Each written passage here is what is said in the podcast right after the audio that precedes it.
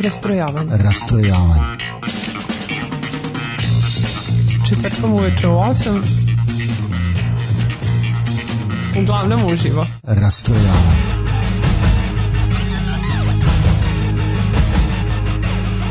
U 8 sati. Rastrojavanje.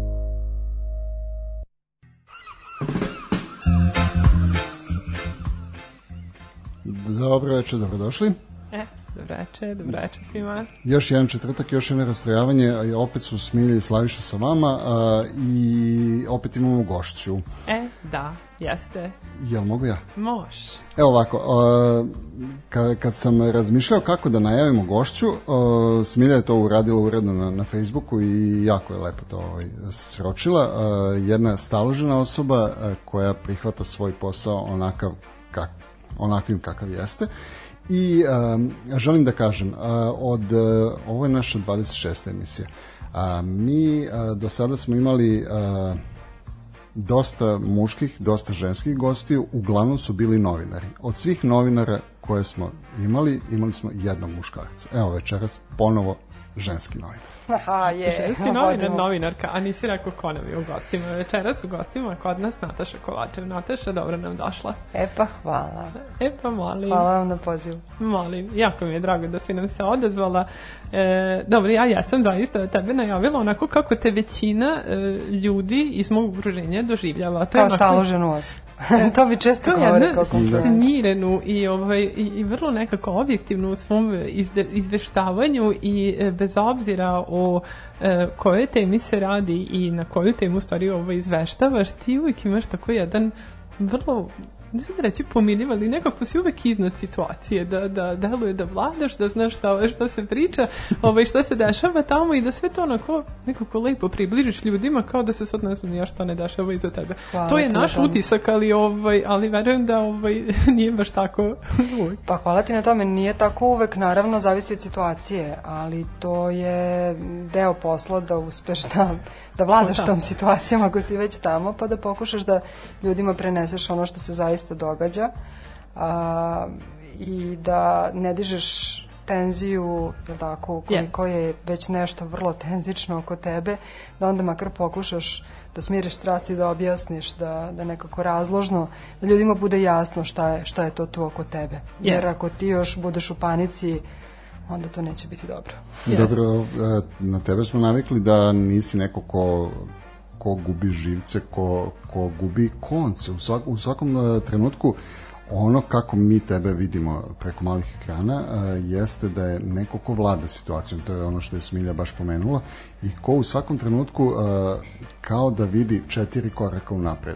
I to je ono, recimo, što je negde u, u novinarstvu jako bitno. Da, da budeš i šahista koji ume da, da predvidi protivnikov korak, odnosno sagovornikov korak i da shvatiš e, gde će to ići i da usmeraš u onom smeru koji tebi odgovara.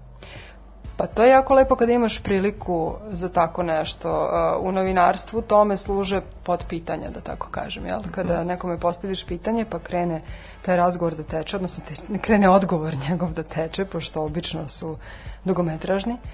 I sad u tom odgovoru ti vidiš mnogo Odstupanje. Tako je i mnogo momenta gde bi trebalo tog sagovornika prekinuti, postaviti pod pitanje e, da nešto pojasni, razjasni, jel? ali nemaš uvek priliku da to uradiš. Tako e, se događalo vrlo često da ostanemo uskraćeni, ne samo ja, nego mnogi kolege, za tu priliku da postavimo pod pitanja i da negde dobijemo konkretan jasan odgovor do kraja.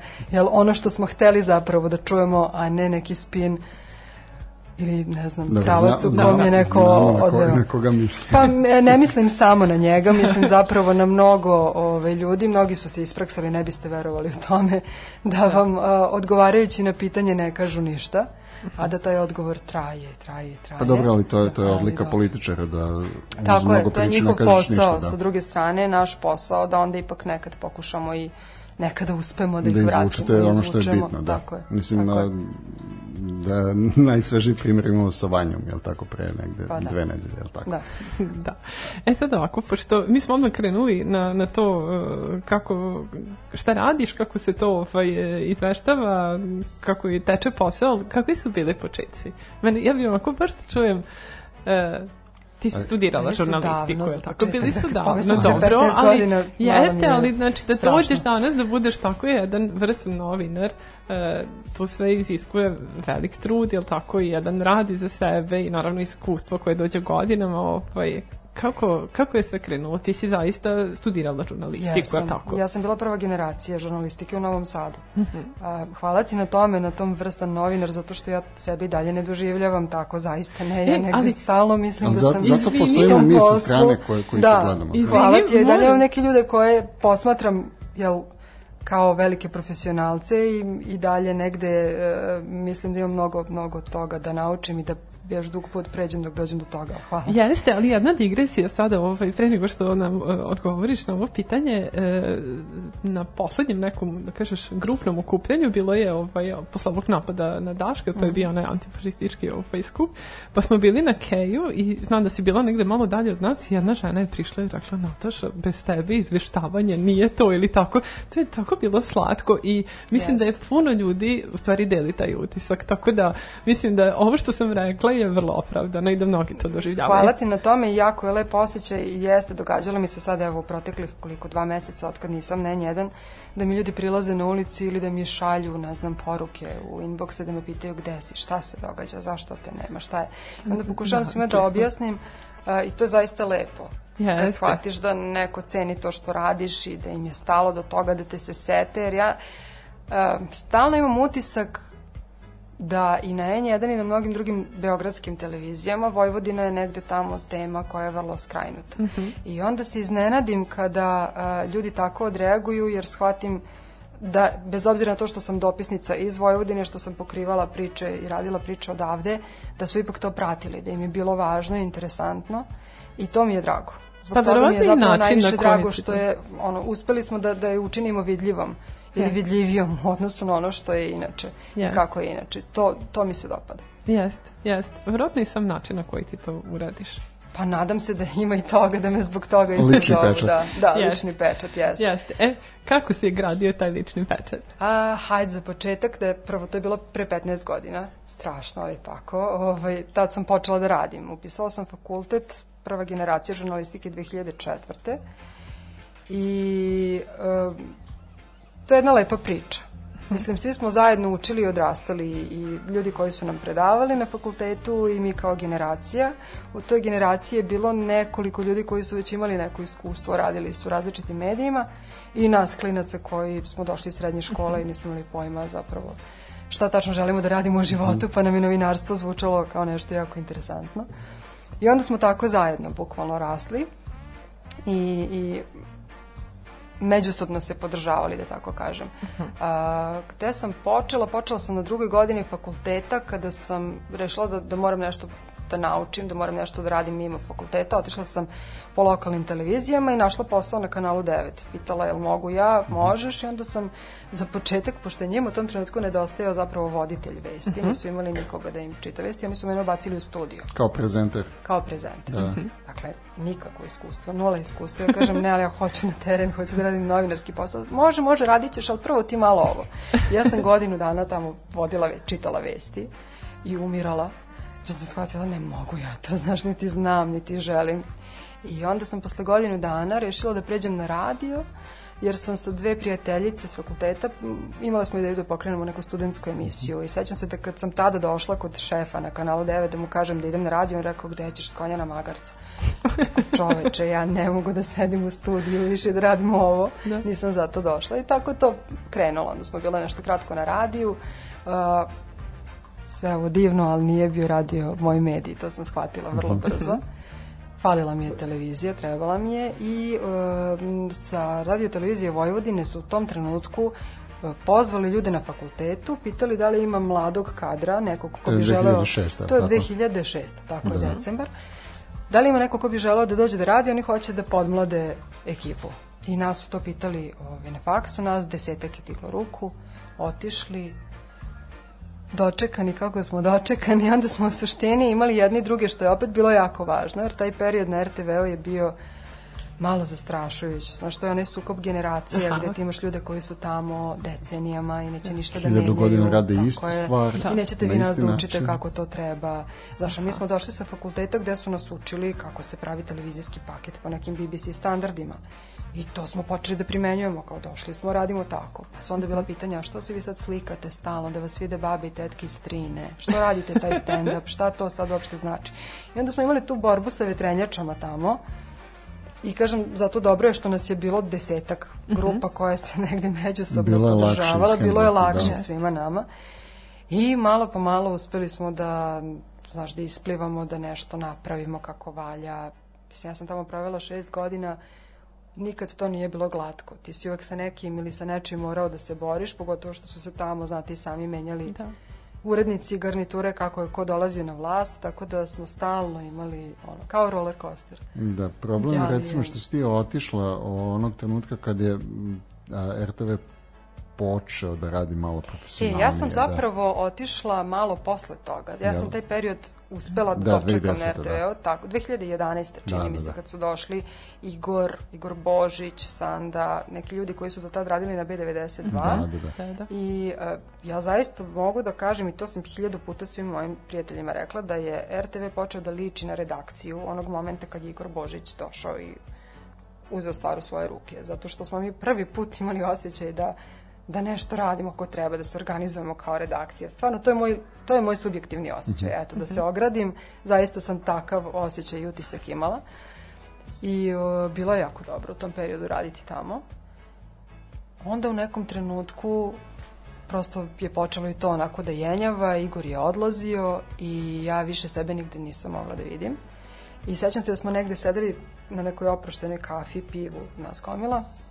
Prišli smo tako ko gde želi da bude i ja sam izgovorila rečenicu da ne mogu sebe da zamislim ni na jednom mediju u Srbiji u tom trenutku, jer su mi svi mediji bili isti, potpuno isti i kažem jedino što bih volela je ta Al Jazeera, to je ono Aha. jedino što je drugačije, jedino što ima smisla danas. I mene Igor sutradan nazvao i rekao, jesi ti bila ozbiljna kad si izgovorila to? Rekao, ja sam, nema šta. Ajde ti meni pošalje svoj CV, ja tamo poznajem čoveka koji je sa mnom radio na B92, sad je tamo. Ono što ja mogu da uradim jeste da prosledim tvoj CV njemu, dalje na tebi. I ja onako, znaš, tek sam tad počela da shvatam, ok, to je sad ozbiljno. I poslaću ti CV naravno, ali ništa ne očekujem, niti on tu bilo šta dalje može. I onda je to krenulo, onda su me pozvali na jedan razgovor a, koji smo imali, čini mi se, preko Skype-a sa direktorom Al Jazeera i to je, ja, za mene je to bilo strašno, sad kao idem da pričam s nekim čovekom, nemam pojma, znaš šta će, i sećam se njegove prve rečenice, e, dobra ti je ta zavesa iza tebe. Uf, dobro, znaš, odmah te ona spustiti atmosfere. tenziju, Da. sve probije led i posle toga je sve funkcionisalo. I tu smo se fino izdivanili, on je dolazio za Beograd, hajde da se upoznamo, došli tamo, onda me je zvao da dođem u Sarajevo, da vidim kako to tamo izgleda sve i tako smo se zapravo dogovorili, tako sam ja prešla na Al Jazeera i nastavila. E sad, ono što si nam pričala, o, e, čekaj, o, Čekaj, ja da... bih samo da pitam nešto, ovaj, pre nego što pređemo na Al Jazeera. E, Šta ti je najvrednije, recimo, iskustvo koje si stekla e, sa RTV-a? Sa RTV-a, a, pa recimo, naučila sam da se snalazim uz pomoć štapa i kanapa, da napraviš nešto ni od čega, to je vrlo bitna stvar u ovom poslu, A, mislim u tehničkom smislu Da, da. pre svega. A drugo, naučila sam da budem psiholog u svakoj situaciji, jer si tamo morao jako dobro da uh, hendluješ, da tako kažem, to lepu srpsku reč da upotrebim. Da. Znaš, snimatelje koji su vrlo često bili nezadovoljni s razlogom jer su slabo plaćeni, imaju mnogo posla i tako dalje, sto drugih stvari. Montažere, urednike u redakciji, znaš, stalno nekog čekaš, stalno neko nervozan, a ti treba na kraju dana da imaš neki proizvod kojim ćeš biti zadovoljan. I naučila sam, koštalo me živaca, ali sam naučila recimo da budem upravo to, psiholog. Da znam, da naučim kako sa kojim tipom ljudi, sa kojim karakterom, kako da, da funkcionišem, da način, da. komuniciram. Da. Da, a, ja, ja bih sad a, to, a, hteo sam da pređemo na Al Jazeera, ali razmišljam da li možda da napravimo pauzu, pa da, da onda idemo na, na Al Jazeera, onda idemo na pauzu vaše.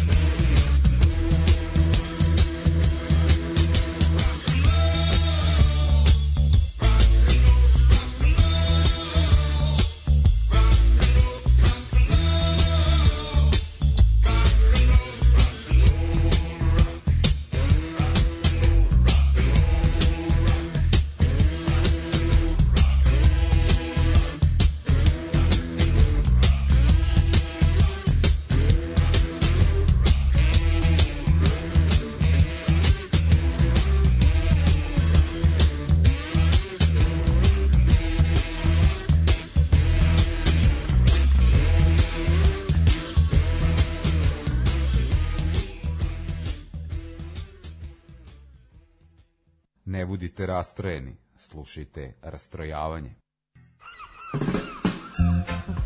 E, ja se izvinjam, Darko je bio drugi ovaj muški novinar koji je bio. Pozdravljamo Darko ovim Da, da, putem. A, e sad, stali smo kod te neke priče za, za Al Jazeera. Ti a, i sva ta priča kako si došla kod njih. A, pre nego što smo ušli u program, pričala si nam jednu jako lepu priču sa jednim našim bivšim gostom, koji ti je nešto možda? mi je nešto poklonio. Da. Jeste, pričala sam o pećinku. Da. A, kad sam, kad je saznao da idem na Al Jazeera, onda me nazvao i rekao moramo da se vidimo, dobro, rekao, meni je glava u haosu, ja sad treba da putujem, selim se za Sarajevo, ne znam više šta radim, gde, gde sam. Kratko, kratko, moramo, moramo, dobro. I dolazi čovjek i donosi mi seriju na disku The Newsroom. Moraš to da pogledaš. Dobro, kako da je sad u celoj ovoj situaciji seriju, ali moraš, tako će to tamo da funkcioniše, da tako ćeš da radiš, moraš da vidiš, to je super. Hvala ti, tako da mi je ulepšao taj prvi neki period u Sarajevu, jer sam ja zaista gledala seriju koja je odlična, svaka preporuka za seriju, Da, da, ali malo je prvo- nerealna, mislim, takva redakcija zapravo ne postoji. Ali prva epizoda te bukvalno kupi. Odnosno, prva, prva ta scena, kupite. Pa jeste, znaš, sve je to zanimljivo, ali kažem ti, nažalost, nije mnogo realno, da. I koliko se, koliko se razlikovalo od, od serije?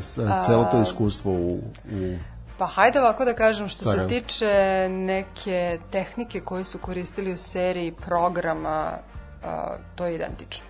I to mi je bilo jako zanimljivo da vidim da to zaista Ozbiljno? negde... Da, identično. Sjajno. Pošto Al Jazeera je svemirski brod zaista u odnosu na sve medije na kojima sam ja do sada radila, Al Jazeera je svemirski brod. I znaš, kad sam otišla tamo, taj prvi put pre nego što sam zvanično dobila ponudu za posao, kad sam otišla na taj poslednji finalni razgovor, isto sam imala osjećaj kao da sam se spustila negde gde ono, ne mogu da verujem da se tu nalazim. I onda sam malo imala u početku a, tu vrstu straha. Ja sad idem odavde, radila sam na RTV-u, idem tamo među nekakve zverke, u smislu kao, znaš, velike, Velike novinare, glave, da. velike glave, šta ću ja sad tamo? Ono.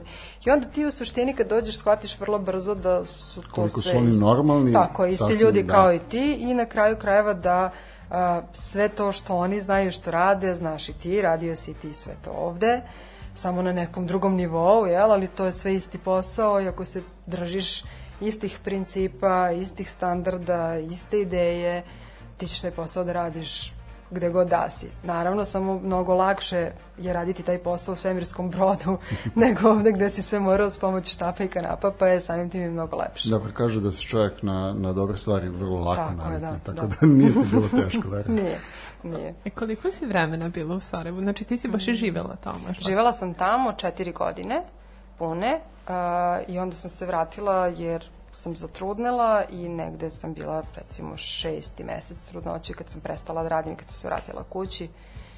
I to je to.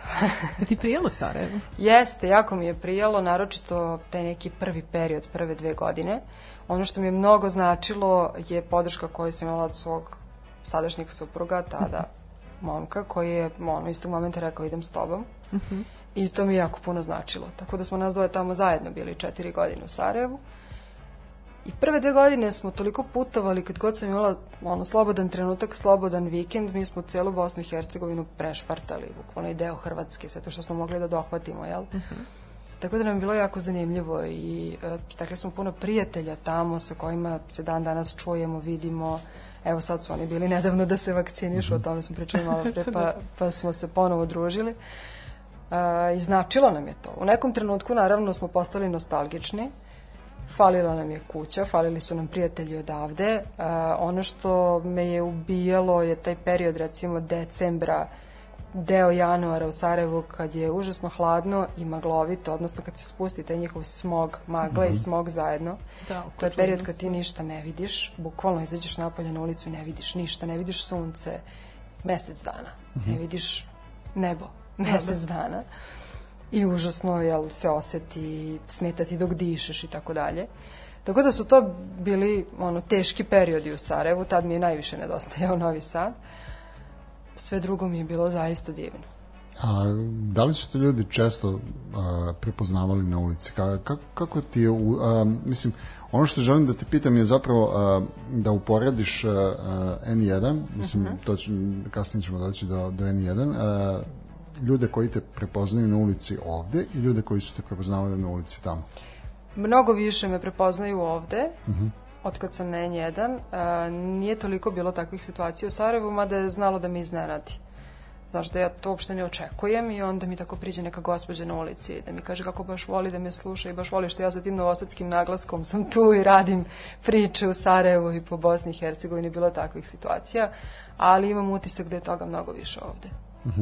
Da. Misliš da, da, da više ljudi dopire N1? Pa mislim što da je- mislim, više, da, da, tamo da, da više ljudi gledaju ovde N1. Nažalost, Al Jazeera se u Srbiji nije tako dobro ni plasirala iz razloga što je na nekom 200 i ne znam kom 300 Da, tom da. kanalu, Nešto daleko, recimo. da, da. da. I a, mnogo ljudi ni ne zna, ne dođe do Dobro, ali- ali kanala tamo- tamo tamo. Tamo Bosni, više da. gledaju, tamo Da, više da, gledaju to. nego ovde. Ali kažem ti ponovo, nije, nije bilo toliko situacija Mhm. da su me prepoznavali na ulici. Ili, ili su se jednostavno, ili, ili su imali negde, plašili se da, da, da ti priđu Pa kako ili nešto. ko, kako Moguće, ko, da. mada su ljudi dosta srdačni, otvoreni, priđu ti. Najviše ono kad čuju naglasak, znaš, onda obavezno priđu da, da se ispričamo, da kažu kako su služili vojsku u Novom Sadu ili nešto da. slično. Toga je bilo mnogo više. Dobro, to su Jo, neke stare jeste, to generacije. jeste. da. I oni svi Da. imaju neki, neki onako baš uh, lep moment vezan za Novi Sad i jako lepo doživljavaju kada čuju da je neko odande. Jeste. Da, i I, svaki ovaj, i uvek imaju neku, da, neku nostalgičnu Da, priču. ili su imali kao devojku da, da, da. ovde, ili su služili Da. vojsku, tako, ili imaju neku rodbinu, Da, da. Jeste, ali se onako baš Ili vole Balaševića, to je bilo uvek. Kad čuju da sam iz Novog Sada, Da. pozdravi Balaša, gde nam je Balaš, Da, da, radi da. Balaš, jel prolaziš ti kroz ono njegovu ulicu? Da, da, I da. tako.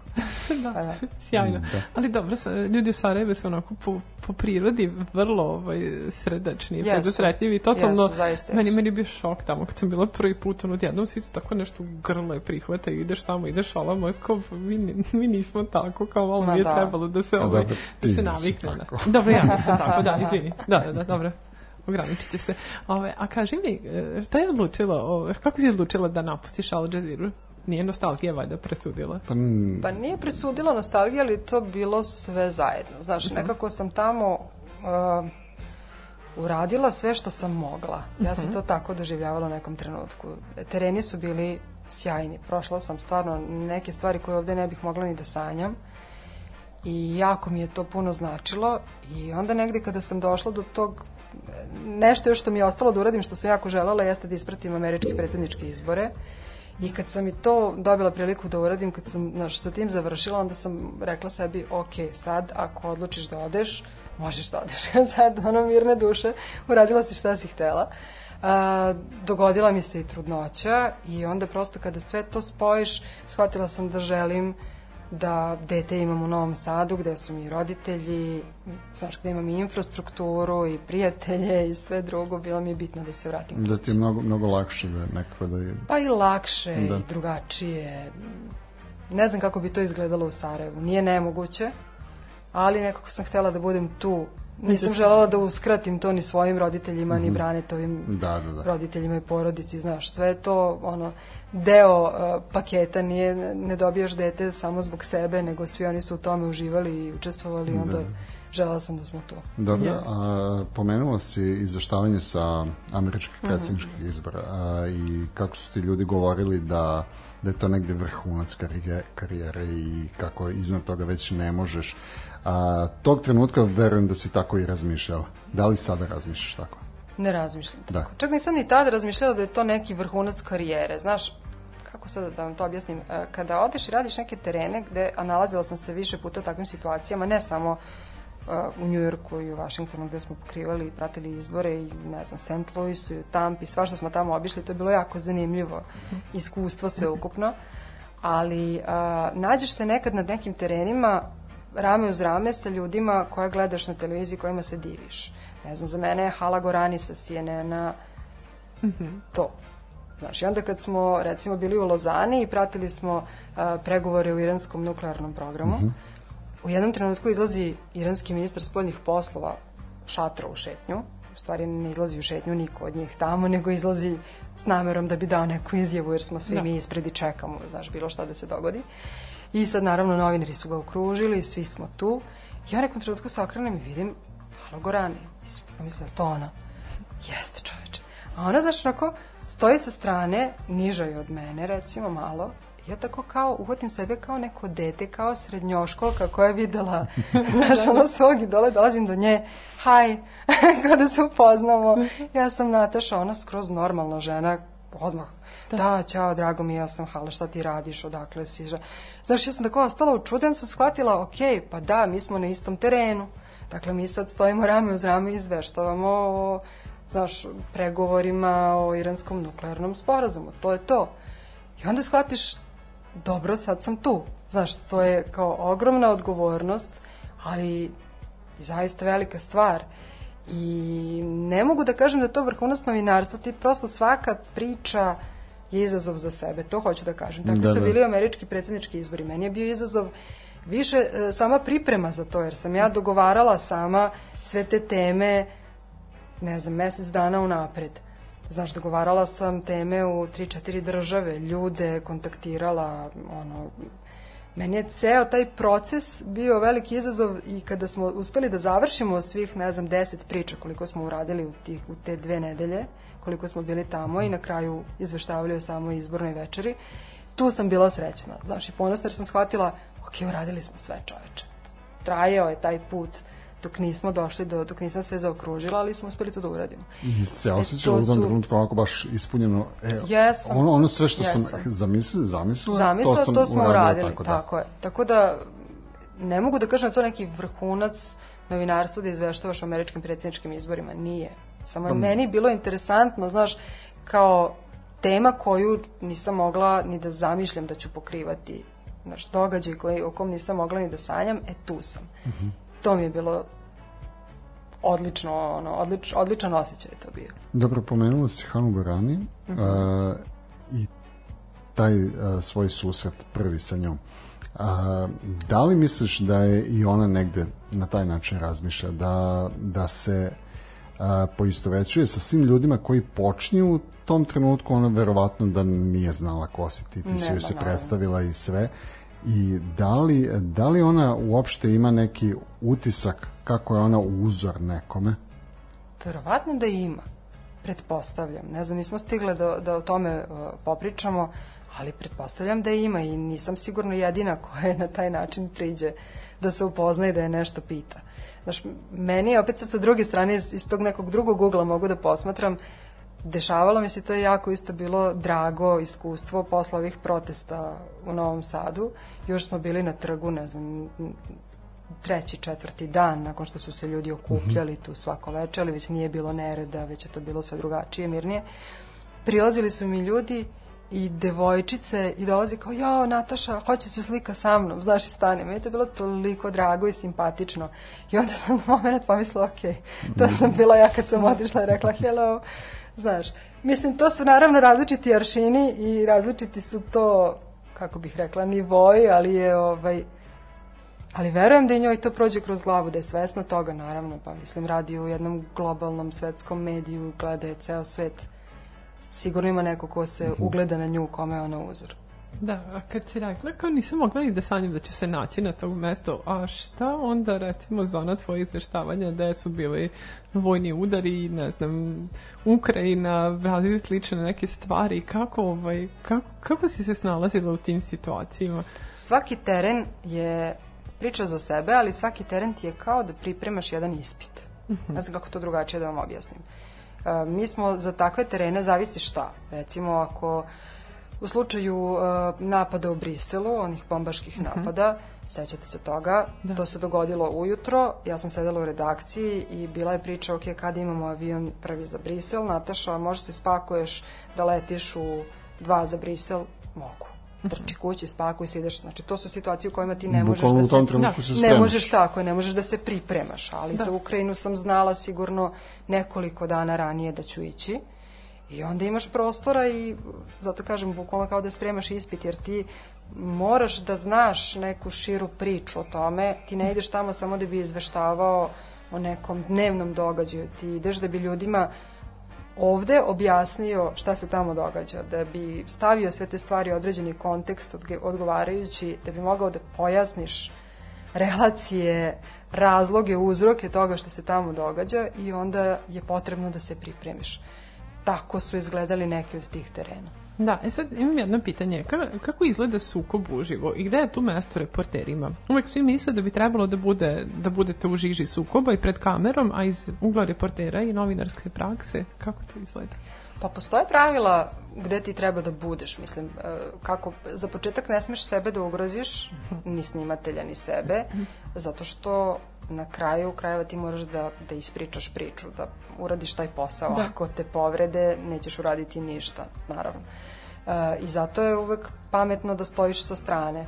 Druga stvar, ti ne, ne smeš da budeš deo toga, ti ne smeš da budeš ni na jednoj strani ako ćemo već tako, znaš, ne smeš da zauzmeš stranu nečiju, da. ti moraš da budeš koliko god možeš neki objektivni posmatrač koji sad sam rekla objašnjava kontekst i objašnjava i prenosi ono što vidi.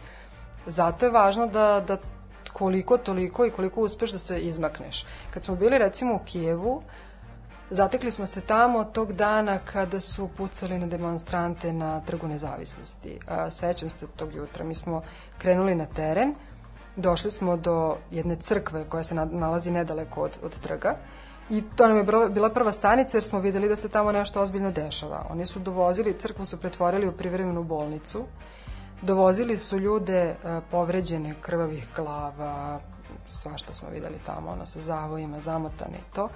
Dovozili su ih automobilima, izletali su neki lekari, ljudi obučeni u bele mantile, znaš, odmah tamo imali su neko skladište lekova, to je sve izgledalo potpuno sulud, nerealno, nadrealno bolje tako da kažem. I onda smo odatle krenuli da se spuštamo ka trgu, zapravo dok smo još stajali u, u dvorištu te crkve, e, mislim da je neki nemački fotoreporter bio pored i rekao je da e, misli da su počeli da pucaju iz snajpera na ljude na trgu i svi smo onako, ma daj. Kaže, stvarno, nekao rekao da je video tela. Nismo, stvarno nismo verovali u početku. Krenuli smo iz, dakle, iz dvorišta crkve, smo krenuli se spuštamo ka trgu nezavisnosti I tu smo ono, snimali ljude usput, znaš, snimali smo ljude koji su postavljali barikade, koji su bukvalno uh, vadili kaldrmu i ređali te kamenice da mogu da je koriste u obračunu sa policijom, pripremali, ne znam, molotovljeve, molotovljeve koktele da, da, i tako da, dalje. Još, još da. uzbuđenih, da, se. Neko će da pokuca na vrat. Da. Ovaj, to su isto bile neverovatne stvari i od njih isto slušaš da se na trgu samom događa nešto, a sad niko ne zna šta se tačno zbiva. I sećam se isto jedne situacije gde su me odvukli neki ljudi, bukvalno hoće da nam pokažu, brzo da vidite neki dom kulture njihov u koji su ušli tokom noći tituški, tako ih oni zovu, to su zapravo a, provladini batinaši uh mhm. -huh. koji su dolazili da se s njima to obračunavaju jer su ovi svi ljudi kampovali na trgu, spavali danima na tom trgu nezavisnosti. I uglavnom moraš da vidiš šta su uradili, napravili su haos, rastorili su sve i odvukoš oni nas u podrum tog doma kulture. Ja znam da kad smo već ušli unutra da snimamo, da sam rekla šta mi radimo? Da li smo mi normalni? Mislim, znaš, u bilo kom trenutku može... A si se uplašila? To je jedini trenutak kad sam se uplašila, da sam shvatila da sam uradila nešto što nije pametno uopšte. Mm -hmm. Pojurili smo za tim da vidimo da. to što se dogodilo, da snimimo, da zabeležimo, priču, da. da napravimo priču i shvatila da smo napravili veliku grešku u stvari, srećom se ništa nije desilo, ali dobro. I to je bio trenutak kada je mene pozvala urednica iz redakcije Sarajeva i rekla bežite nazad u hotel. Ja rekao, zašto, šta? Ne, oni prate agencijske vesti i puca se zaista na trgu, da, ima da, da. toliko i toliko mrtvih nazad. I znam da sam ja bila, ono, po tim adrenalinom, žela sam da ostanem i s njom sam se bukvalno raspravljala 10 minuta gde sam mi govorila tu smo, ok, bezbedno, nije bezbedno, ne znaš šta se dešava oko tebe na zgradama su, na kraju se ispostavilo da ona bila u pravu uh mhm. -huh. i da je zaista pametan potez bio što smo se mi tog dana sklonili ipak sa trga, nismo bili znači nismo produžili dalje do mesta gde su zaista pucali na ljude jer je na kraju bilo mrtvih preko 40, čini mi se. I Kaže, to, to je bilo, izvini, verovatno i najopasnija situacija u kojoj si se našla. Pa to jeste, to je Mislim, direktna opasnost, da, da, da sam ja, opet kažem, toliko sam u tom trenutku bila pod adrenalinom i želela da budemo tu, jer mi je bilo bitno, zato što smo već u onom centru zbivanja, najbitnija priča tog dana na svetu, nemoj da me šalješ u hotel. Mm -hmm A ona je govorila, sve to što se tu dešava možda mi ispričaš i odande, ne možeš da ideš, znaš. I dobro je razmišljala, ali ti kada si na terenu, ne razmišljaš drugačije tako. Razmišlja, drugačije. Da. Prvo što te taj adrenalin nosi, drugo što zaista imaš osjećaj da ćeš nešto propustiti, nešto jako važno ako nisi tu. I treba ti taj glas razuma nekad sa strane. E, toliko o tome, e, dugačak odgovor na tvoje pitanje uh, gde treba reporter da se nalazi i o čemu treba da razmišlja u takvim situacijama. Da, da. Um, kaže, ako može, pitajte gošću da nam uh, ispriča svoje iskustva o, o, uh, odnosno o izveštavanju o migrantskoj krizi u Grčkoj. I to, to je jedna jako lepa priča koju si u tom trenutku ovaj, Pa naj, najvažnija priča, ja mislim da to priča decenije zapravo na svim ovim našim prostorima. Nažalost. Da. Ali je tako, da. Da, pratili smo, bili smo i domeni u, u, u kampu migrantskom. Sam, sam, samoj želim da kažem da, da si ti to toliko profesionalno odra, odradila, odnosno uradila, da je na mnoge ljude ostavilo utisak i a, bilo je jako potresno, bilo je jako poučno s neke strane i bilo je iscrpno. Ja verujem da, da si ti ovaj, jako osjećala i pogođenom Da. u tom trenutku dok si to radila a, sa milion priča koje se, sa kojima se sretneš iako imaš toliki background iza sebe toliko stvari si ne može prošla da te ne pogodi. ne može da te ne pogodi To ne da. može da te ne pogodi jer je to strašna stvar. To što smo tamo videli i priče koje smo čuli, životne priče koje smo čuli tih ljudi su jezive. Mislim, ne znam kako bih vam rekla, kada ste vi negde gde a, ljudi bez ikakvog izgleda na uspeh i dalje se nadaju da će te granice da se otvore, da će oni da odu dalje i kampuju, spavaju. Tih dana je bilo užasno hladno, padala je kiša stalno. Oni su spavali u šatorima na toj zemlji koja je bila u blatu potpunom, pokislo sve oko njih, promrzli. Bilo je užasno. I onda sećam se situacija u kojima su uh, oni dobijali nekakve informacije, neko im je podelio letke po tom kampu, na kojima je nacrtao, rukom nacrtao a, žicu kao gde, mesto gde se ta žica završava, jer je između Grčke i Makedonije u tom trenutku, mm -hmm. Severne Makedonije, u tom trenutku postojala žica. Nisu mogli dalje. I neko im je označio mesto gde se žica završava i kao možete tuda. I oni su jednu noć masovno krenuli. Međutim, šta se dogodilo? Na tom mestu tuda protiče reka, koja je inače mala reka, ali je zbog tih obilnih kiša strašno nabujala. I mnogo njih je počelo da prelazi vodu da bi ušlo u Severnu Makedoniju sa decom. Tu je bilo dece ljudi od, ma ne znam, mlađih od godinu dana. Sećam se da smo bliznakinjice neke snimali bebe od recimo 5-6 meseci koje su spavale sa roditeljima u šatoru recimo u takvoj situaciji. Kad smo mi bili tamo u tom, e, u tom periodu se, mislim, rodila jedna ili dve bebe u kampu. Znaš, to su strašne stvari. Ja sad kao neko ko ima svoje dete i znam kako je to izgledalo taj prvi period kad su oni najosetljiviji, kad su mali, pomisliš da neko u takvim uslovima odgaja dete, to stvarno, stvarno strašno. Uglavnom, tu noć kad su prešli reku, a, naravno sa druge strane, tako promrzle mokre ih je dočekala policija makedonska koja je ono, poterala ih nazad, neke je pretukla, neke već sad kako to je bilo raznih situacija. Neki čak e, reporteri su bili privedeni zato što su ilegalno prešli granicu sa njima prateći ih, pa su ih sutra pustili. I uglavnom neki e, su pustili ljude da prespavaju tu gde su se zatekli. Sad zamislite situaciju da je na polju temperatura blizu nule recimo, mokri ste, promrzli ste, deca su sa vama i primorani ste da budete tu gde ste da biste se sutra ujutru vratili nazad u kampu odakle ste krenuli, u kom je podjednako hladno. I sećam se da smo to jutro mi došli i krenuli smo gore da ih nađemo, da ih zateknemo na mesto odakle su se vraćali i tu scenu neću nikad u životu za- zaboraviti da je išao dečak sa tatom, drži ga za ruku, mali ima tri godine. Ne verujem da ima više. U, veliku, u majici kratkih rukava, nečijoj neke odrasle osobe, to smo mu obukli, on je bos i tako visi ta majica na njemu i on hoda, dete se, ali bukvalno trese, to nisam nikad videla da se, znaš, od, od ono od hladnoće da ne možeš da se kontrolišeš, sve ti se trese. Mi smo tad nosili, što naravno nismo smeli da radimo, ali ljudi smo, pa moraš nekada da odvojiš nešto, jel? profesionalno ljudsko. Mi smo, mi smo tamo koliko god smo mogli kupovali te neke jaknice, dukseve, znaš, džemperiće nosili toj deci i onda smo imali u kolima nekoliko tih jakni. I ja se sećam da sam ja izletela iz automobila, uzela jaknu, potrčala do njega, onako ga obukla i digla ga i počela trčim ka našem automobilu da ga unesemo unutra da se ugreje. Se ugreje, I ne razmišljam budala uopšte u tom trenutku šta radim.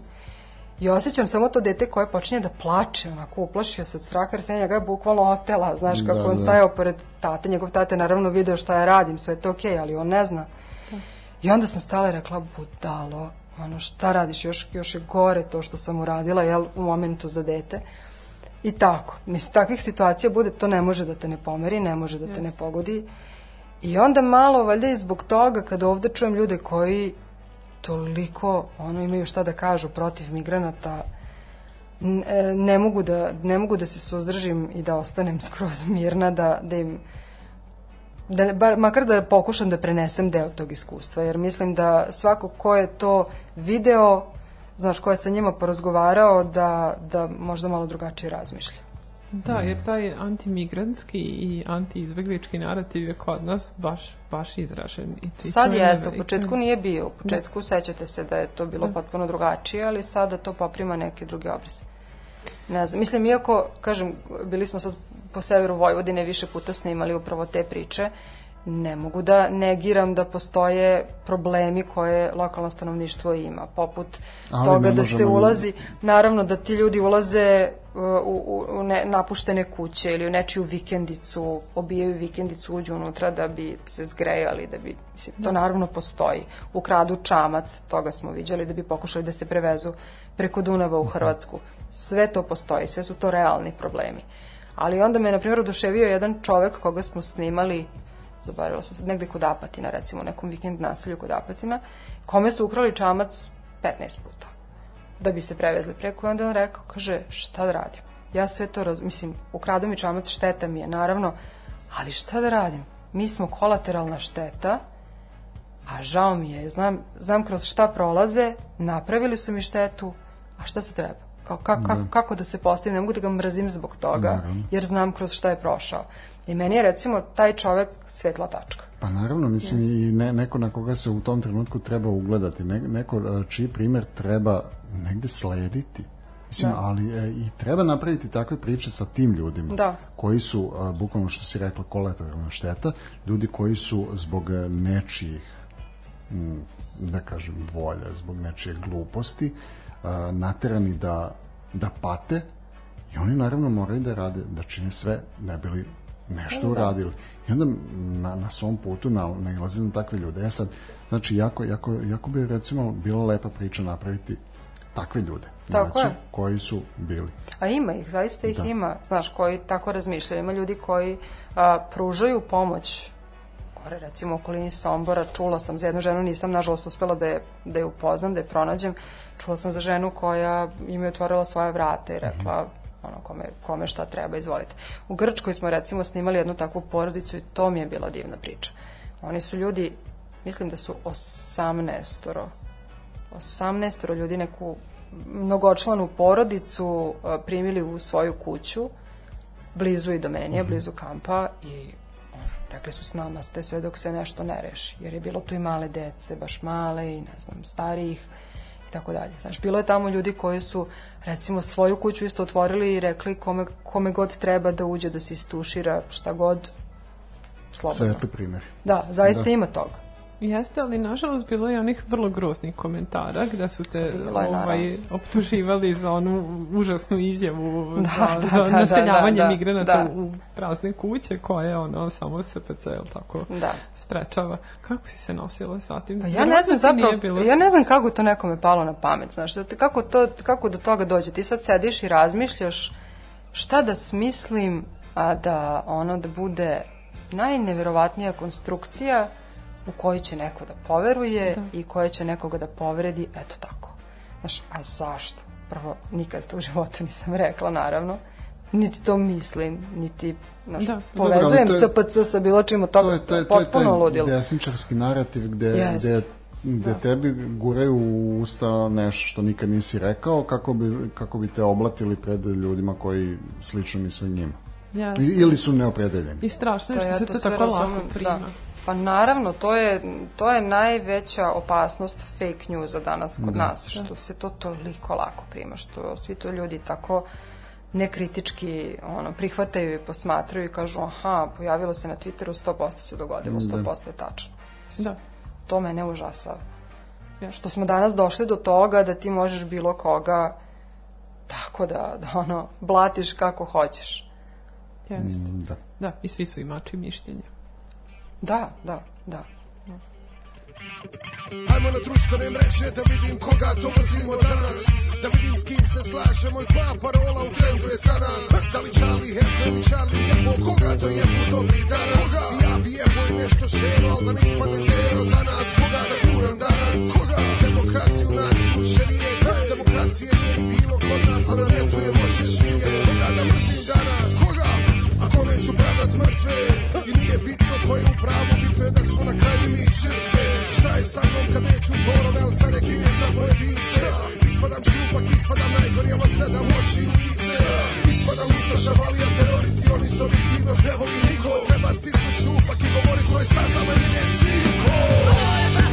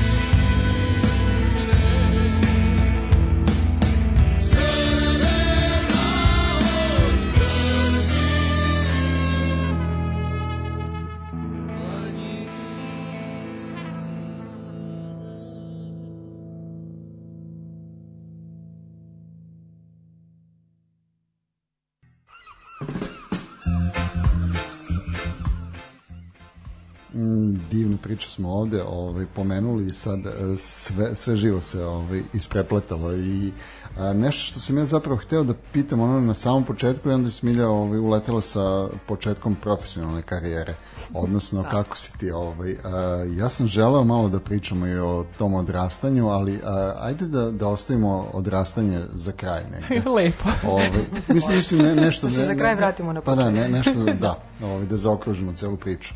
Ovaj, a, kad si, kad si ostala u drugom stanju, onda si došla ponovo ovaj, u Srbiju i tu kako je došlo do saradnje sa, zapravo ti si onda posle godinu dana počela Pa na da, N1. onda sam počela Da. na N1. Kako je došlo do toga uopšte? Pa sad ću ponovo da spomenem Igora Božića, pošto ono, Čovjek zaslužan čovek za za gomilu stvari, jest.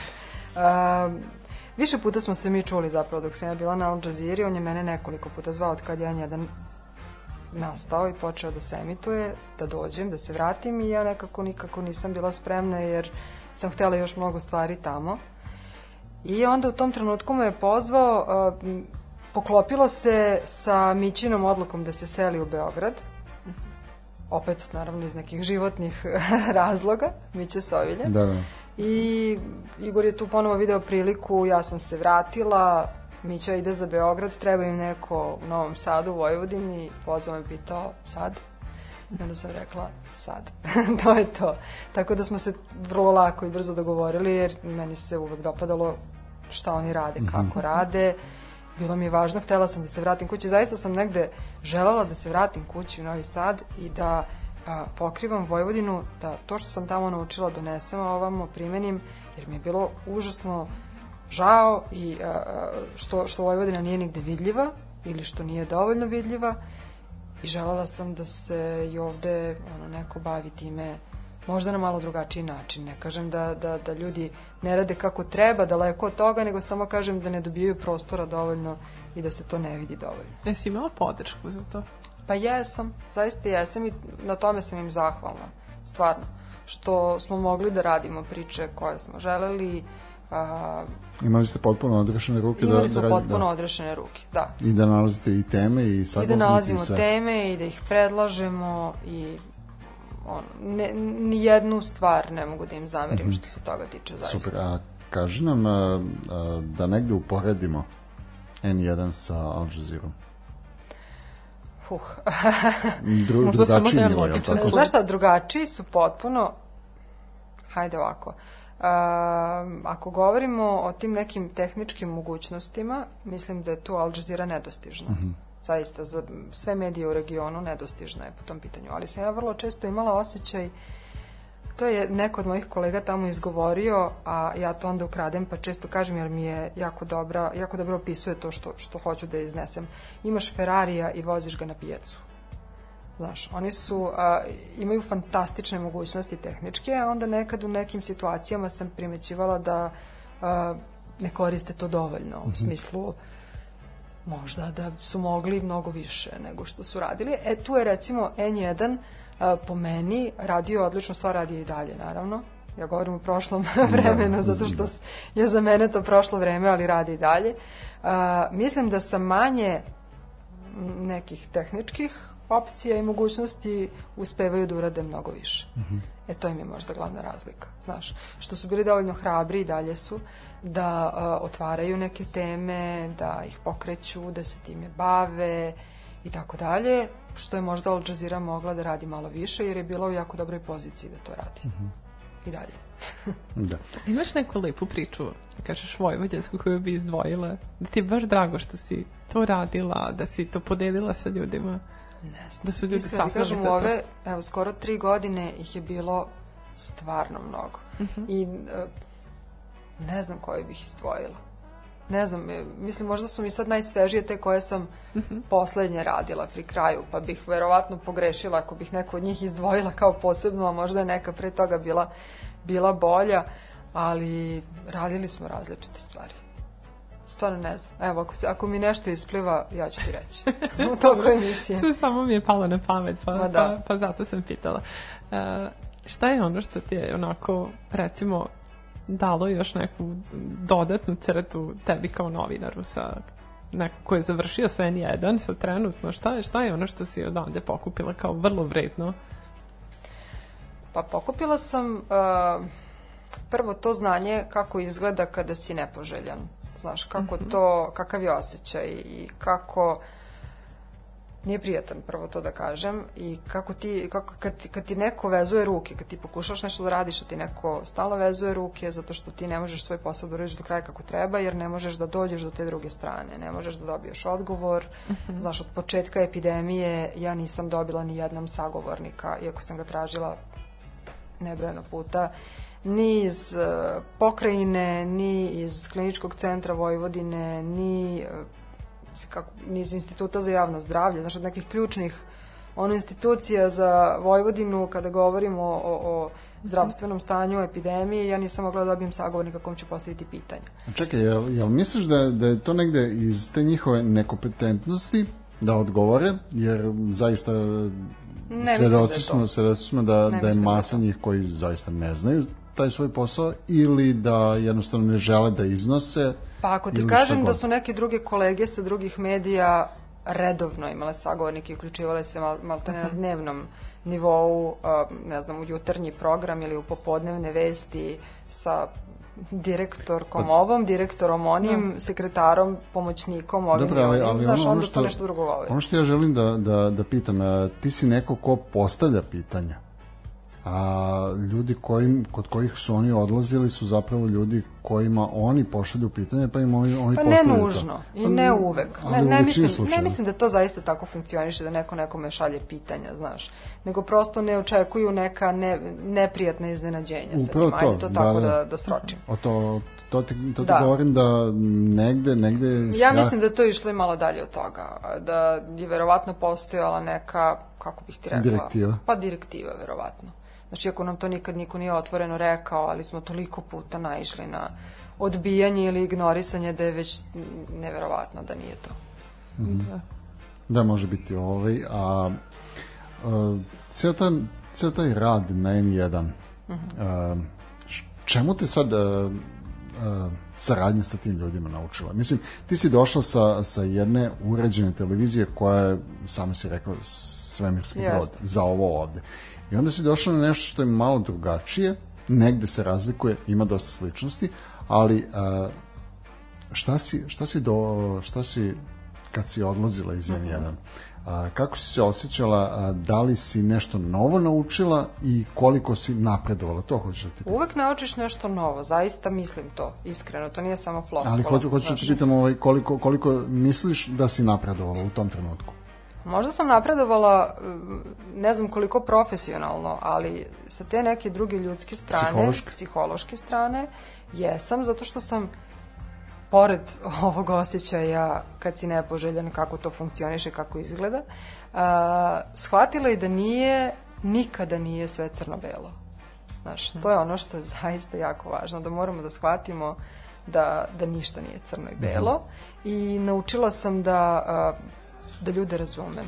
Znaš, čak i kad je nešto što ne možeš u startu sve osuditi, ne možeš sve džonom, moraš da čuješ nečije razloge, nečije argumente. Znaš, i to sam naučila Možda sam to negde znala i ranije, ali sad mi se samo iskristalisalo.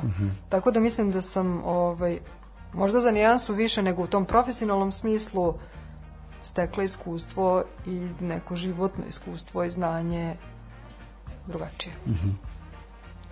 Jako lepo. Neko, nešto? ne, samo sam, samo onako slušam Natašu pa, pa komentarišem. A sad, pošto svi znamo sad informaciju da ćeš se pojaviti na Euronewsu, iako Da. niko ne zna ni kad ni šta, rečeno u maju. Rečeno E, i nam. Aha, jel da?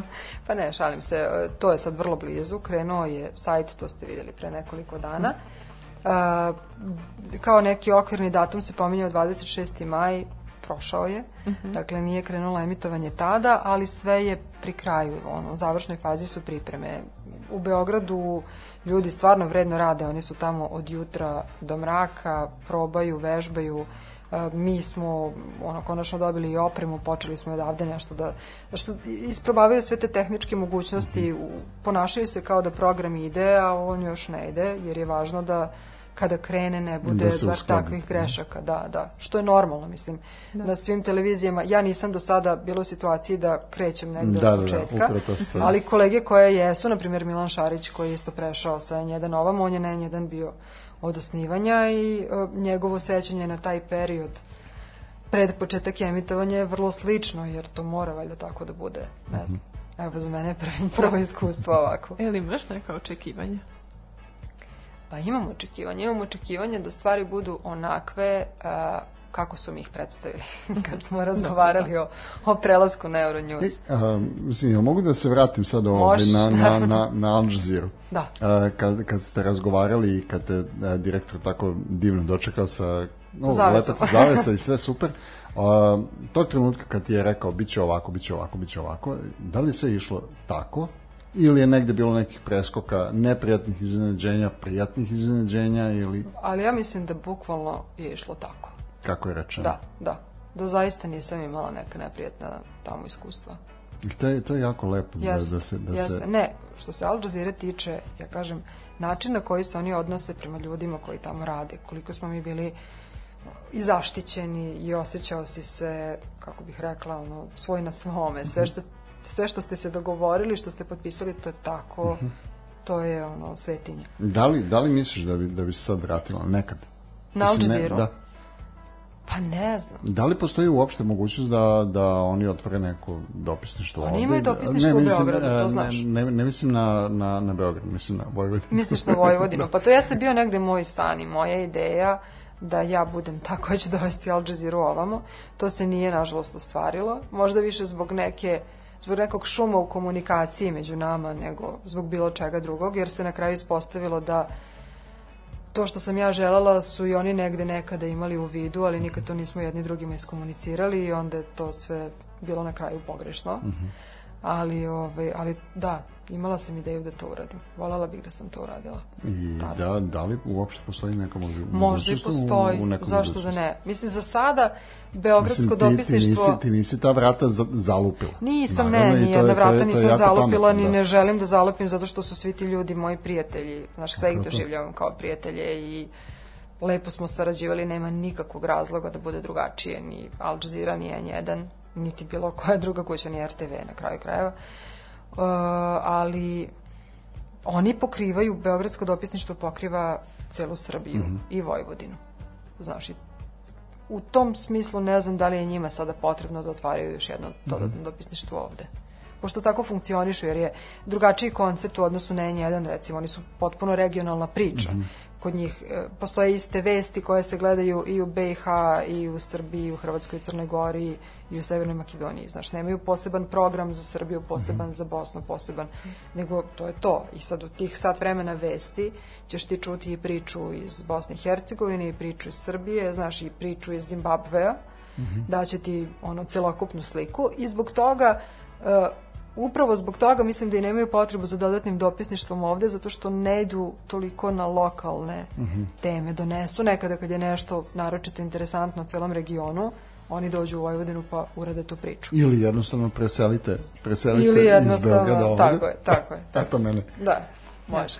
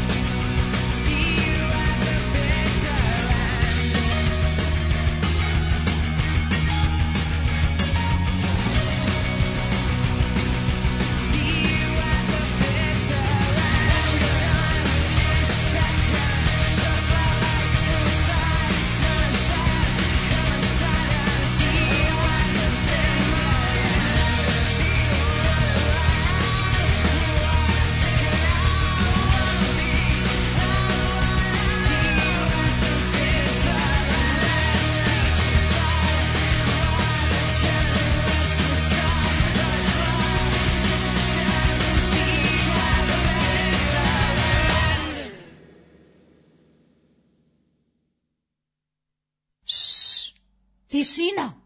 Smilja i Slaviša govore. Rastrojavanje. Y a trop d'anomalies, siècle aux couleurs de l'apocalypse. Les petits se butent à la cocaïne, aiment manier gros calibre et jouer au caïd. Les glorifieurs de rue rêvent de Rotary. Et à la moindre brèche, ils t'auront trahi. Lance la balle aux artistes, tu les verras se battre pour être la plus belle otarie. Y'a, y'a des costumes, des beaux habits, des privilèges, des postures, des faux amis. Monde criminel, les dans ses méandres, on s'abîme dans chaque ville où misère est trop massive. L'oppresseur nous chie dessus et normalise sa violence extrême dès qu'on s'organise. Guerre des imaginaires, chacun sa chimère, mais y a que toi qui libère et qui sauve ta vie. Y'a, y a trop d'anomalies, siècle aux couleurs de l'apocalypse. Les petits butent à la cocaïne, fascinés par les putes et les gros caïds. Et rien ne préserve les gosses qui arrivent. Virer de la classe, puis tirer de la casse, oui. Mais nos vécus nous traumatisent, oui. Regarde le feu qu'on attise, oui. Un monde d'orgueil de convoitise. Y a trop d'anomalies, le monde tourne à l'envers. Collabos actifs, y'a pas de quoi s'en faire. Violence normale, les sons de nous encerclent. Monde sans cœur préjugé, marchandise, marchandage. Pointe du doigt le réfugié, et jamais le marchand d'armes. Condamne le pauvre, pas la pauvreté, ne voit que son avantage. Ignorer sa merde, c'est pas ça la propreté, demande à l'argent sale. Anomalie. Ce monde est une anomalie. Babylone est une anomalie. Anomalie.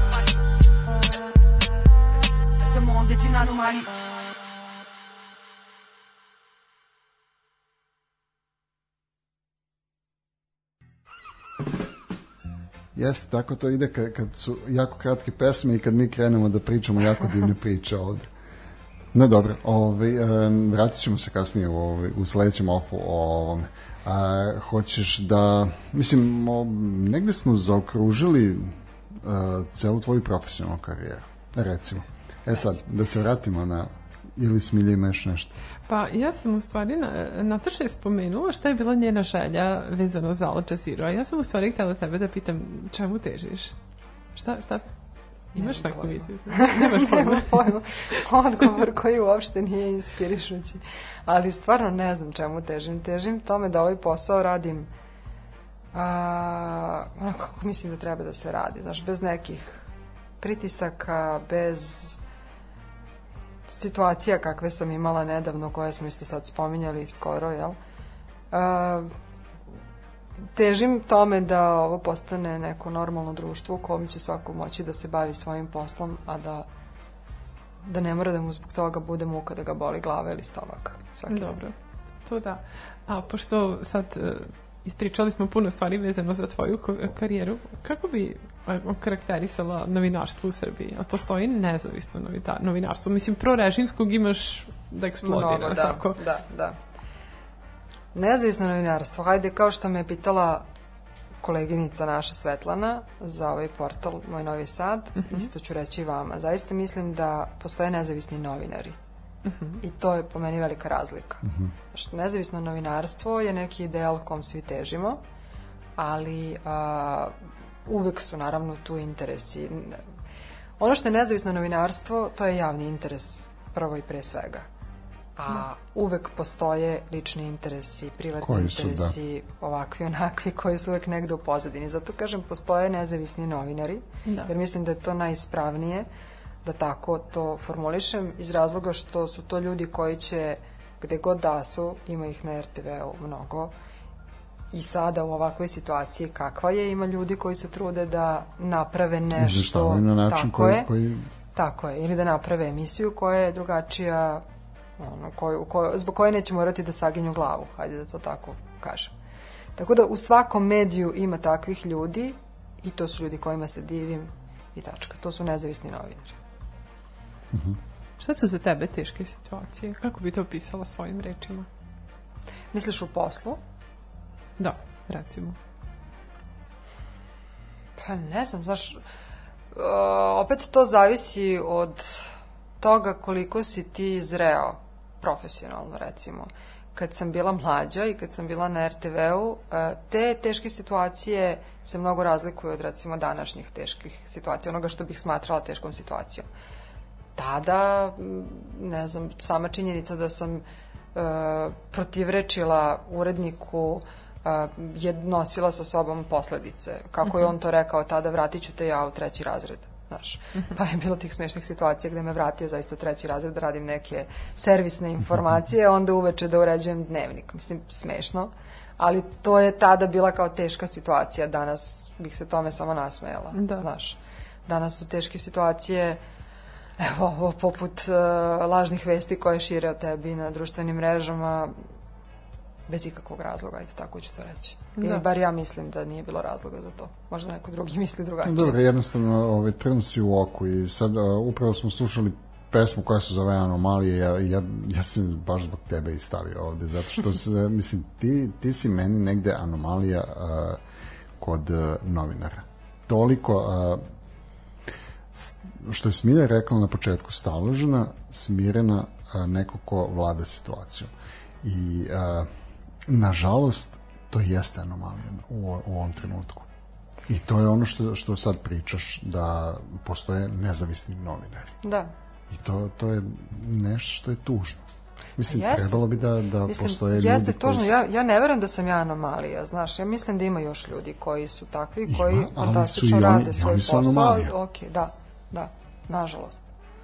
Da, i sad, kaže, to što te prepoznaju po smirenosti, šta to tebi govori? I da li to uopšte nešto što je važno za izveštavanje, jer je to zapravo deo, deo nečije ličnosti? Pa ja mislim, iskreno verujem da je to dečije, deo nečije ličnosti. Znaš, e sad, a, opet kažem i to iskustvo možda doprinosi smirenosti da ti možeš da u svakoj situaciji ono, znaš šta je prioritet, šta je tvoj posao, da možda posložiš misli, da, da nećeš biti u panici, da nećeš upasti u taj, u taj haos. Naravno da iskustvo tome doprinosi. Ali a, zašto je to ljudima toliko čudno i zašto to ističu kao neku veliku vrlinu, ne znam i mene to iznenadilo. Ali onda možda kada gledam, ne znam, i druge televizije i druge kolege koji izveštavaju, možda nisu svi tako smireni, pa onda im ja odskačem, znaš, možda ljude, ljude ponese atmosfera, e, žele nešto da istaknu, pa onda to ispadne drugačije nego što su zamislili možda, ne znam. Ali očigledno čim to svi ističu kao nešto što im je zapalo za oko, onda verovatno nije Ima mnogo- nešto, Da, da, da. da. Pa u ono, moru senzacionalističkog novinarstva to, to baš isplivava. Da, ovaj, a, Nažalost, sam, toliko senzacionalističkog. Dobijam ovde pitanja, kaže, ovaj, mislim, nešto što možda nisi toliko upućena, ali zašto se razilazi, da kažemo, Ekipa. društvo sa, sa N1? E, znaš šta, ja ne bih o tome da pričam, iako znam neke detalje, ne znam sve, znam ne, ponešto od toga, ali to je, ono, nije na meni da o tome pričam. Dobro, Pogotovo ne sad sad da kad više nisam reglere, tamo. da, da da, da, da. Onda ćemo krišom da ga podignemo. Da. Ovaj, e, nisam više tamo i loše bih se osjećala kada bih bilo šta o tome Mhm. ja pričala, ali mogu samo da kažem da e, verujem da će vrlo brzo da konsoliduju redove, jer je to jako važno Mhm.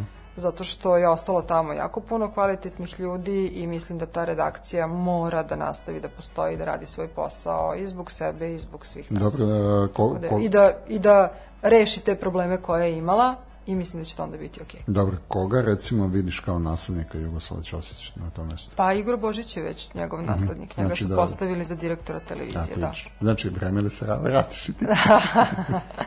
A pa ne. Čekaj, tek sam otišla. Čekaj.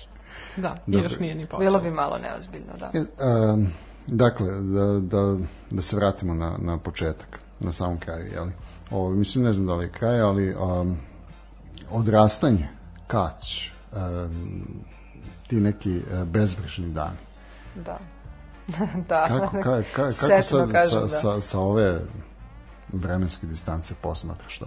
Ja, verujem da je bilo dosta teških situacija kroz koje si prolazila dok si odrastala, ali da sad verovatno razmišljaš o njima, znaš, to? Da, sad posmatraš to sve idilično, zato Da. što detinjstvo, jel? Svako od nas koji ima lepo detinjstvo, to sad seća se toga sa, sa nekom nostalgijom. Meni je bilo divno, ne znam, ono, imala sam puno prijatelja, znaš, odrastanje u manjoj sredini, u kući, dvorištu, ti pruža mogućnost, razne mogućnosti, da imaš kućnog ljubimca, da imaš psa sa kojim si odrastao, ne znam, ja sam, meni su psi obeležili periode života. Znaš, ja se sećam psa koji se rodio istog dana kad i ja i koji je uginuo kad sam imala 9 godina. Sećam se psa koji je bio sa mnom narednih ne znam, deset i kusur godina i tako dalje. Znaš, svaki od njih mi je obeležio period života. Naravno, to imaju i deca i u gradu, ne, ne želim to da, ovaj, Da, ali- ali da omalovažavam, ali drugačije, prosto kad si u maloj sredini, mislim, mi smo ono na ulici svašta smišljali. Imali smo tajne družine, imali smo, ne znam, predstave koje smo izvodili babama i dedama, morali su svi da se postroje, da sede na klupama i da nas gledaju, znaš, i tako. Mislim, bilo je divnih, divnih stvari. Dobro, ka, dok si odrastala, da li si uopšte ikada zamišljala sebe kao novinara ili si mislila da ćeš se baviti nečim drugim? Ja sam imala nekoliko stvari koje sam žela da radim u životu i na kraju od svega Nijedna toga... od njih nije. Ne, e, pa eto, novinar, mada to sam možda i najmanje od svega želela. Želela sam da, da se bavim arheologijom i to me držalo dosta dugo. I jednom periodu sam želela da postanem veterinarka, ali onda sam shvatila šta to sve podrazumeva, a i pritom nisam prirodnjak, ne volim prirodne nauke, znaš, i onda to nije išlo jedno s drugim. Ali arheologija, da, i dan danas obožavam to. I kada snimamo priče, znaš, na nekim arheološkim nalazištima, ja, ono, žmarci prolaze i to, meni to super. Sjajno. Znaš, kad pronađu nešto, izvini, skoro smo bili a, na jednom takvom nalazištu gde su pred nama tu pronašli i iskopali neku narukvicu koja je stara, recimo da je iz prvog veka pre nove ere. to je meni bio ono događaj meseca. Znaš, toliko sam bila srećna i uzbuđena da su, da su mi se smeli ljudi na terenu kao smiri se, ćeš da uzmeš u ruku hoću, znaš. da, tako da to meni divno i dan danas. To je- Verovatno to je- bi mi život mnogo drugačije izgledao da sam da. to izabrala. Ja, jako mi je slatko što ti ispričaš uvijek tako neku lepu priču kad ja zamislim nešto da te pitam. ovaj, e sad dobro, Nešto ti imaš i svoju, da, ne, ali lepo je, E, imaš i svoju porodicu, imaš dete Da. i sve to. A šta ti je ventil od svega ovog, e, od svog posla? Mislim, susrećeš se sa gomilom nekih situacija i neke su vrlo stresne i mislim, i ceo onaj deo sa migranskom krizom i puno, puno, puno svega. Šta, šta ti je ventil da, da, da ti, neću reći da povratiš tu smirenost, mi ne vidimo da to izgubiš, ali, ovaj, ali sigurno to potrese i, i onako pomeri, ali Pa to neko slobodno vreme, znaš, sa, sa ljudima do kojih ti je stalo, da pokušaš da se isključiš. Mislim, sad mi u tome iskra mnogo pomaže, ima tri i po godine i možete zamislite te sad faze i priče i ludosti ono, koje padaju na pamet, tako da ja pokušam da se isključim, da uđem skroz u taj neki drugi mod, s njom sam, pogotovo što ono dok sam radila, mislim do, jel, do pre dva meseca, stalno mi je telefon bio u ruci, stalno nešto čitaš, gledaš, tražiš i onda ona ide za mnom i viče, mama sti telefon, mama sti telefon, mama sti I shvatila sam, ok, sad Zamenila stvarno ste uloge, dosta. jel da? da, sad je stvarno dosta, ovo je vreme sad za nju, telefon sa strane i onda to je možda ventil, kad malo se preokreneš. Mm, ja sam negde u nekom intervju sa tobom a, pročitao kako imaš te e, rituale a, gde sa, sa prijateljima obeležavate 5. oktobar, odnosno 29. novembar i negde sam tu naslutio opet neki ventil. Pa jeste, samo što to nismo dugo sad radili. Znaš, Pa to dobro. će nam biti ventil na svakih par godina kako smo sad počeli. Znaš šta, ovaj, to su mi prijatelji sa fakulteta, tamo smo se svi našli i to je to. Ono, zaista smo ostali prijatelji i voleli smo da obeležavamo te datume. Umeđu vremenu svako na svoju stranu dobili porodice, decu, znaš, ne uspevamo više kao što smo se okupljali nekada, toliko često, ali dalje volim to da radim. Da. Sad možda ne odemo, ne uspemo da se okupimo za 5. oktobar ili 29. novembar, ali se, ne znam, okupimo juče. Sutra Da, da. ćemo ponovo, danas na rođendanu, na proslavi rođendana, da. Pa da. Da. I to je lepo. I to je, to je negde, ovaj, recimo, najlepši ventil koji, mislim, uz, uz dete svakako, ovaj, koji, koji te opusti, dođeš sa ljudima koji, koje poznaješ, kojima veruješ i m, čije reči, jednostavno rečenice može da nastaviš u nekom Jeste. trenutku. Da. Dobro, ima takvih ljudi puno. Znaš, ja imam prijatelja od, iz najranijih dana. Ne znam, zajedno smo bili u vrtiću, pa zajedno u školi, pa su nam se negde putevi možda malo razdvojili, a sad smo se ponovo sreli i možemo da nastavimo tamo gde smo stali. Znaš, to su ta neka prijateljstva, ne moramo da se čujemo svaki dan, ne moramo da se vidimo svaki dan. Ako se vidimo za dva meseca, nastavit ćemo, ili za dve godine, nastavit ćemo tamo gde smo stali. I to je stvarno dragoceno. A da li negde težiš da te ljude koje poznaješ iz različitih priča a, vezuješ oko sebe? Znači da, da ih... Da povezujem njih da ih međusobno, Povezuješ to. međusobno, da budeš negde kao a, To sam jednom, epicentar. jednom periodu radila i onda sam shvatila da to ne treba da treba radim. raditi. Da, da to ne treba raditi jer na kraju samo se iznerviraš zato što nemaju svi ljudi iste interesovanja i ne možeš pokušavati ti da spojiš nespojivo i sasvim je u redu da ti imaš znaš, različite ekipe sa kojima si i ti na kraju krajeva različit. Mene neko iskustvo iz nekog prethodnog života vezuje sa jednom grupom ljudi, iskustvo sa drugom grupom ljudi i to je sasvim u redu. Nema potrebe da svi budemo jedna velika gomila. Mm, da. Jeste. Nema I, potrebe. I to je tačno. Da, bar je to moj utisak. Jeste. I hvala ti što si ga podelila s nama. Nema na Ispričala si nam divne stvari večeras. E, pa tako drago da, mi je. Jeste. I meni je ovo tako bilo lepo i komotno. Baš, baš si nas tako lepo Zato što sam smirena i da. stalno Da, da, da. smirila sam i vas. evo, zaspali smo. Da, Da, da, da, da, ovde toliko samo imamo jednog psa koji ovaj, šećka, na njega još nisi uticala, ali ovaj, a možda se i on smiri. Hvala ti, Nataša, još jednom što si nam bila gošća. Hvala ti što Hvala si izdvojila vreme i hvala ti što si, što si bila toliko strpljiva sa nama da, da ti otkažemo jedno gostovanje i onda ga zakažemo za sledeću nedelju. I nadam sad se da te vidimo sve. što pre na Jurinu. E, i ja se nadam. Hvala lepo. Da, srećno. Hvala. I hvala i vama što ste nas slušali, ostanite uz nas i Zdravo bit će još svima. dobre muzike. Ćao. Ja, ovaj, ja sam grozna, ja tu... Rastrojavanje. Rastrojavanje. Četvrtkom uveče u 8. Uglavnom uživo. Rastrojavanje.